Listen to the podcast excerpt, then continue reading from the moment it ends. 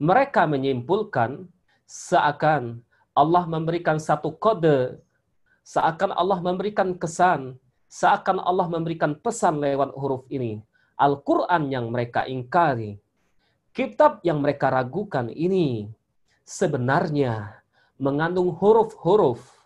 Huruf itu juga dikenal oleh kafir Quraisy, alif, lam, mim, ya, sin, to, ha, kaf, ha, ya, ain, sad.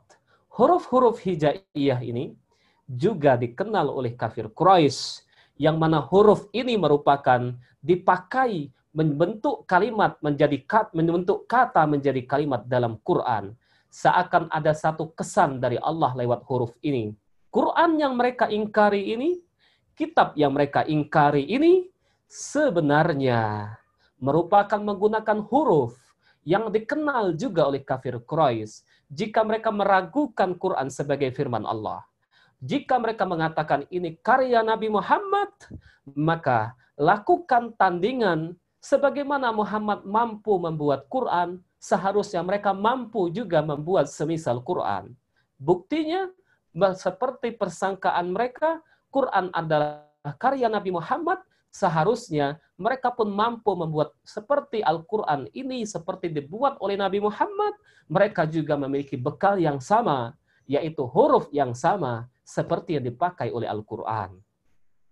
Maka di dalam Al-Quran di surah Al-Baqarah, Allah memberi satu tantangan. Wa in kuntum fi raibim mimma nazzalna ala abdina fa'tu bi suratim min mithli wad'u suhada'akum min dunillahi in kuntum sadiqin. Apabila kamu masih ragu juga terhadap wahyu yang telah kami turunkan kepada hamba kami yaitu Nabi Muhammad. Faktu bi surah. Datangkan satu surah semisal tandingan Al-Quran. Seperti persangkaan mereka, Quran karya Nabi Muhammad. Jika Muhammad bisa, mereka pasti bisa. Mengapa demikian? Huruf yang dipakai Quran juga huruf yang dikenal oleh kafir Quraisy. Jika mereka mengatakan ini karya Nabi Muhammad, apabila itu persangkaan benar, cukup satu teknisnya. Lakukan tandingan, lakukan seperti yang dilakukan oleh Muhammad. Apabila mereka mampu melakukan tandingan Quran, maka tuduhan mereka itu benar.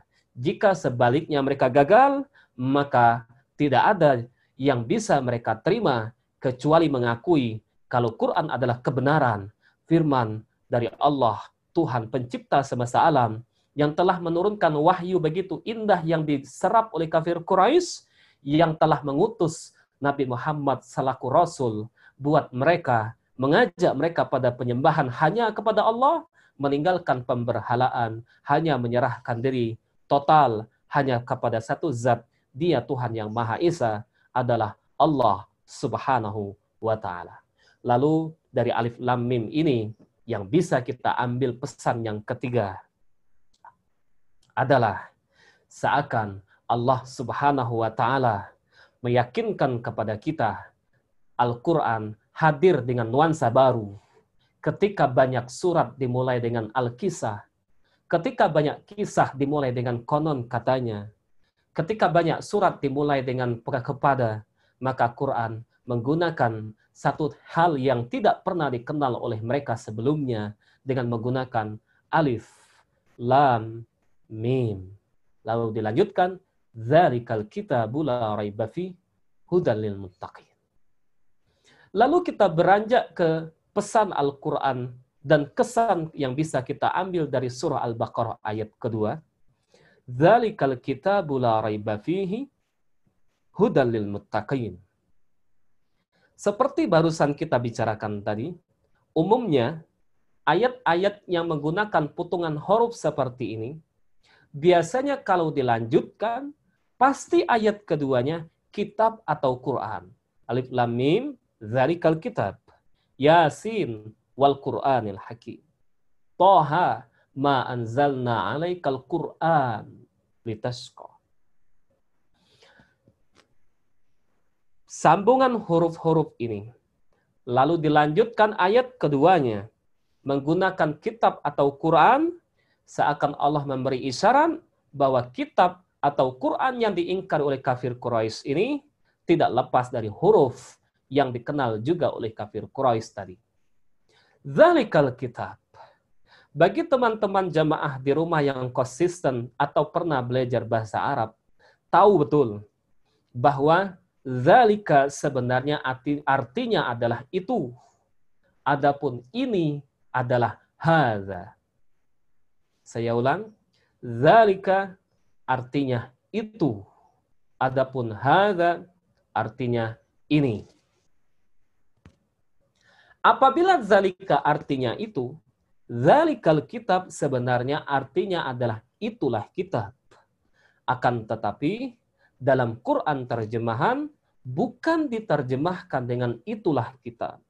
Akan tetapi diterjemahkan dengan inilah kitab. Bagaimana terjadi silang terjemah seperti ini? Begini penjelasannya. Zalika sebenarnya artinya itu.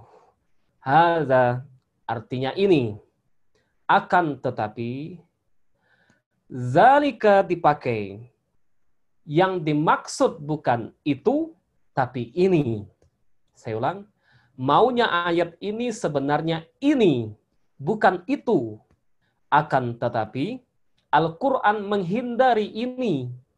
Tapi yang dipakai itu. Padahal maksudnya ini untuk menunjukkan lidilalati uluwis sya'ni. Untuk menunjukkan keagungan Quran menurut Allah sampai-sampai dia Allah yang telah mewahyukan Quran ini demi meyakinkan kita sejauh mana begitu agung dan luhurnya Quran menurut Allah, maka sampai-sampai Allah Subhanahu wa taala tidak menggunakan ini, tapi yang dipakai itu padahal maksudnya ini. Ini bisa kita baca bagaimana keagungan Quran lewat pendekatan surah Ar-Rahman. Ar-Rahman. Allamal Quran. Khalaqal insan. Ar-Rahman. Allah dia Tuhan yang maha pengasih Allamal Quran yang telah mengajarkan Quran, khalaqal insan yang telah menciptakan manusia. Jika antum jeli dalam ayat ini, Allah dahulukan mengajarkan Quran sebelum dia menciptakan manusia. Mungkin logika kita mengatakan begini, seharusnya ciptakan dulu manusia. Setelah diciptakan, baru diajarkan Quran. Tapi surah Ar-Rahman terbalik. Dia dahulukan mengajarkan Quran, baru setelah itu dia menciptakan manusia. Ar-Rahman, khalaq Ar-Rahman, alam al-Quran. Mengajarkan Quran. Khalaqal insan, lalu dia menciptakan manusia. Mengapa didahulukan mengajarkan Quran baru setelah itu menciptakan manusia? Ini bukan salah kronologis. Akan tetapi Allah Subhanahu wa taala sedang memberikan kesan kepada kita bahwa mengajarkan Quran dibandingkan dengan menciptakan manusia lebih mulia mengajarkan Quran dibanding menciptakan manusia itu sendiri sampai-sampai Allah dahulukan mengajarkan Quran baru setelah itu dia infokan kepada kita menciptakan manusia itu sendiri. Inilah sampai-sampai dengan pendekatan dua ayat ini Allah Subhanahu wa taala memberikan pesan, menyampaikan kesan lewat untayan makna Quran ini ternyata ciptaan ternyata Al-Qur'an di sisi Allah begitu agung dan begitu tinggi derajatnya. Allah sadaqallahul azim. Zalikal kitabu la raiba fihi hudan lil muttaqin. Ini yang bisa kita ambil pesan-pesan Al-Qur'an, pesan dan kesan untayan makna dari surah Al-Baqarah dan sepotong bagian dari ayat kedua surah Al-Baqarah. Aku kali hada subhanakallahumma bihamdika asyhadu an la ilaha illa anta astaghfiruka wa atubu ilaik. Wassalamualaikum warahmatullahi wabarakatuh. Waalaikumsalam warahmatullahi wabarakatuh. Baik, kita saat ini masuk ke sesi tanya jawab. Jazakallahu khair Ustaz atas penjelasannya. Oke. Okay. Ada yang mau kita diskusikan? Eh, teman-teman yang ingin bertanya bisa menuliskan pertanyaannya di chat. Oke. Ini belum ada. Ya? Saya mau tanya. Saya mau tanya. Ya, silakan. Bentar ya. Uh, Ustaz, Dengan kan siapa? kalau Rahmi. Oh, Rahmi ya. Ya. Rahmi angka sepuri. Kan, kan hmm. kita kalau uh, sholat itu, misalnya kita ada imam gitu ya. Terus kita uh, imamnya bacanya salah gitu tadi hmm. Tajwid mahrojnya nah terus kita kan ngebetulin misalnya kan uh, ngebetulin gitu kan nggak apa-apa ya terus yeah. terus gimana itu kalau cara kita maaf maaf ya maksudnya ngasih tahu itu salah ini salah gitu soalnya kan dia dia orang lebih tua gitu dari kita terus kita hmm. seperti apa gitu oke terima kasih ya. sekarang sekarang saya bicara teori imam Baik. yang berhak menjadi imam pertama dari kualitas bacaannya kualitas bacaan itu di dalamnya menyangkut tajwidnya dan makhrajnya dan segalanya. Yang kedua, kefakihan dia dalam beragama. Secara umum ini. Baru nanti masalah usia itu nomor terakhir. Bagaimana kita menyikapi kenyataan di masyarakat hari ini, banyak orang yang menjadi imam justru tidak memenuhi standar. Sebenarnya mereka ini tidak layak untuk menjadi imam. Akan tetapi Ustaz, mereka sudah terlanjur ditokohkan, bahkan dia sudah terlanjur sering jadi imam. Maka sebaik mungkin lewat dengan cara yang bijaksana, kita luruskan, kita nasihatkan agar supaya yang berhak menjadi imam adalah yang sesuai standarnya. Itu secara teori. Kemudian yang kedua, apabila kita berhadapan dengan kenyataan seperti ini, akan tetapi kita mau tidak mau sholat di sana tidak bisa terhindarkan. Setidaknya kita lihat diri kita. Apakah bacaan kita dengan imam tersebut, bacaan saya atau bacaan dia yang lebih berkualitas. Walaupun bacaan imam tersebut belum memenuhi standar. Apabila bacaan imam itu kualitasnya 70%, saya sebagai makmum 50%, maka saya boleh jadi makmum orang tersebut yang disayangkan adalah ada jamaah yang kualitas bacaannya di atas sang imam. Nah, ini yang jadi masalah. Nah, bagaimana menyikapi ini? Setidaknya kita walaupun tidak mendapatkan setidaknya hemat kami, setidaknya imam tersebut pada posisi dia sholat, dia sah. Berarti kita mengikuti sholat orang yang sah. Akan tetapi dia terkecam karena bacaannya tidak pas itu yang bisa kami komentari, akan tetapi setidaknya kita sudah dapat pahala jamaahnya, kita dapat pahala bisafnya, kita dapat pahala berjalan kakinya. Insya Allah itu menjadi menilai tersendiri di sisi Allah Subhanahu wa taala walaupun kita tidak terpenuhi kualitas jamaah gara-gara bacaan imam yang seperti demikian. Wallahu a'lam. Yang berikutnya. Jazakallahu khair Ustaz. Apakah teman-teman ada pertanyaan lagi yang ingin disampaikan? Yang di chat nggak ada ya? Yang di chat belum ada, Ustaz. Ada, silakan. Saya kasih waktu dua detik, dua menit lagi. Habis itu kita tutup. Oke, kalau nggak ada, kita insya Allah temu kembali besok di ayat kedua surah Al-Baqarah. Insya Allah. Assalamualaikum Ustaz. Oh, ada ya, oke. Okay. Satu terakhir. Mohon maaf Ustaz, sedikit aja Ustaz. Ya, oke. Okay. Saya Nur Khalid. Siapa? Nur Khalid. Oke, okay. dari mana Pak? Dari Cilangkap Ustaz. Oke, okay, oke. Okay. Mau nanya sedikit ini. Iya. Yeah. Hubungan dengan ayat uh, Dalikal kitab la roi bafi. Tidak hmm. ada keraguan Ustaz ya. Hmm Nah ini kita kan kaum awam Ustaz ya. Hmm. Bahasa Arab tidak uh, tidak paham sekali. Iya. Yeah. Nah kadang-kadang kan di Al-Quran ini uh, ayat-ayatnya tidak secara langsung jelas bagi kita. Hmm. Uh, baca lagi kitab apa misi, uh, tafsirnya mungkin ya Ustaz ya. Okay, atau iya, dari Ustaz. Hmm. Nah mungkin sebenarnya kita ini ingin paham tapi kok gini gitu loh sebenarnya kita nggak ragu juga tapi kok gini gitu kok susah gitu ya itu gimana Ustaz hukumnya apa termasuk ragu atau sebenarnya nggak ragu tapi okay. kok susah kita memahaminya gitu harus belajar Betul. ya bisa bertahun-tahun untuk belajar iya? Di dalam surah Al-Rahman, Al-Qamar Allah katakan, "Wala a'udzubillahi minasyaitonir rajim, wa laqad yassarnal Qur'ana lidzikri fahal mim muddakir."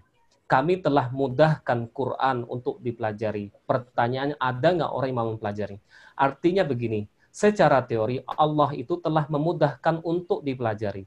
Akan tetapi bagaimanapun mudahnya tetap sulit kalau tidak dipelajari. Maka di dalam ayat ini dilanjutkan fahal mimuddakir. Ada nggak orang yang mau mempelajari dan mendalaminya? Jadi kita terasa sulit karena memang kita belum mendalaminya. Nah sayangnya, sayangnya begini, yang dimaksud Al-Quran Allah mudahkan untuk dipelajari itu adalah mempelajari Qurannya, bukan mempelajari terjemahannya. Jadi kesulitan Bapak itu saya sangat mengerti sekali karena kita hanya mengandalkan baca terjemahannya. Nah, apabila memang mereka yang telah mengerti bahasa Arab sendiri pun cukup dengan membaca sepintas pun langsung faham itu. Makanya ketika tadi saya katakan kafir Quraisy cuma satu statementnya, jangan dengerin bacaan Quran. Kenapa mereka melarang mendengarkan bacaan Quran? Itu tadi, karena mereka ngerti bahasa Arab, maka mereka nggak kesulitan memahaminya. Nah, untuk kita yang punya jarak antara Quran karena tidak mengerti bahasanya, maka kesulitan itu bisa kita kompromikan, kita diskusikan kepada ahlinya. Fas'alu ahla zikri in kuntum la ta'lamun, tanyakan kepada ahlinya jika kamu tidak tahu. Jadi kesulitan Bapak itu sebabnya bukan karena Qur'annya, tapi kesulitan memahami bahasa terjemahannya. Wallahu a'lam. Gitu Pak ya? Ya baik Ustaz. Ya. Alhamdulillah. Asyhadu an la ilaha illa anta astaghfiruka Insyaallah kita ketemu berikut pembahasan di ayat kedua surah Al-Baqarah tepat menarik nanti kita lanjutkan karena ada kalimat meragukan di sini. Ayat Quran menggunakan bahasa ragu bukan ingkar. Ada apa di sini? Insyaallah kita bahas besok. Subhanakallahumma bihamdika asyhadu an la ilaha illa anta astaghfiruka wa Wassalamualaikum warahmatullahi wabarakatuh. Waalaikumsalam. Waalaikumsalam warahmatullahi wabarakatuh. Terima kasih kepada Ustadz Farnis Palembani atas waktu dan pemaparan kajiannya pada sore hari ini. Mohon maaf kepada teman-teman yang sudah mengajukan pertanyaan, bisa dilanjutkan besok ya, karena insya Allah kajian ini akan rutin disampaikan setiap pukul 5 sore selama bulan Ramadan. Dan nanti untuk teman-teman dari Pinisi, nanti untuk pertanyaannya yang belum terjawab bisa juga diajukan besok atau akan dialihkan ke peta pinisi seperti itu ya oleh teman-teman dari pendidikan dan dakwah. Uh, selanjutnya terima kasih pada teman-teman yang hadir untuk jadwal kajian rutin dan hal-hal kebaikan lainnya kakak-kakak bisa lihat juga di Instagram @jejakpinisi. Uh, sekali lagi terima kasih dan besok jangan lupa untuk hadir kembali di kajian rutin yang insya Allah akan diadakan setiap hari selama bulan Ramadan. Baik, akan saya tutup dengan bacaan istighfar sebanyak-banyaknya. Astagfirullahaladzim, astagfirullahaladzim, astagfirullahaladzim. Lalu kita lanjutkan dengan bacaan hamdalah. Alhamdulillahirrahmanirrahim. Dan kita tutup dengan doa kafaratul majlis. Subhanakallahumma wa bihamdika asyhadu an la ilaha illa anta astaghfiruka wa atubu. Ya, terima kasih. Mohon maaf apabila ada salah kata. Wassalamualaikum warahmatullahi warahmatullahi wabarakatuh. Waalaikumsalam warahmatullahi wabarakatuh.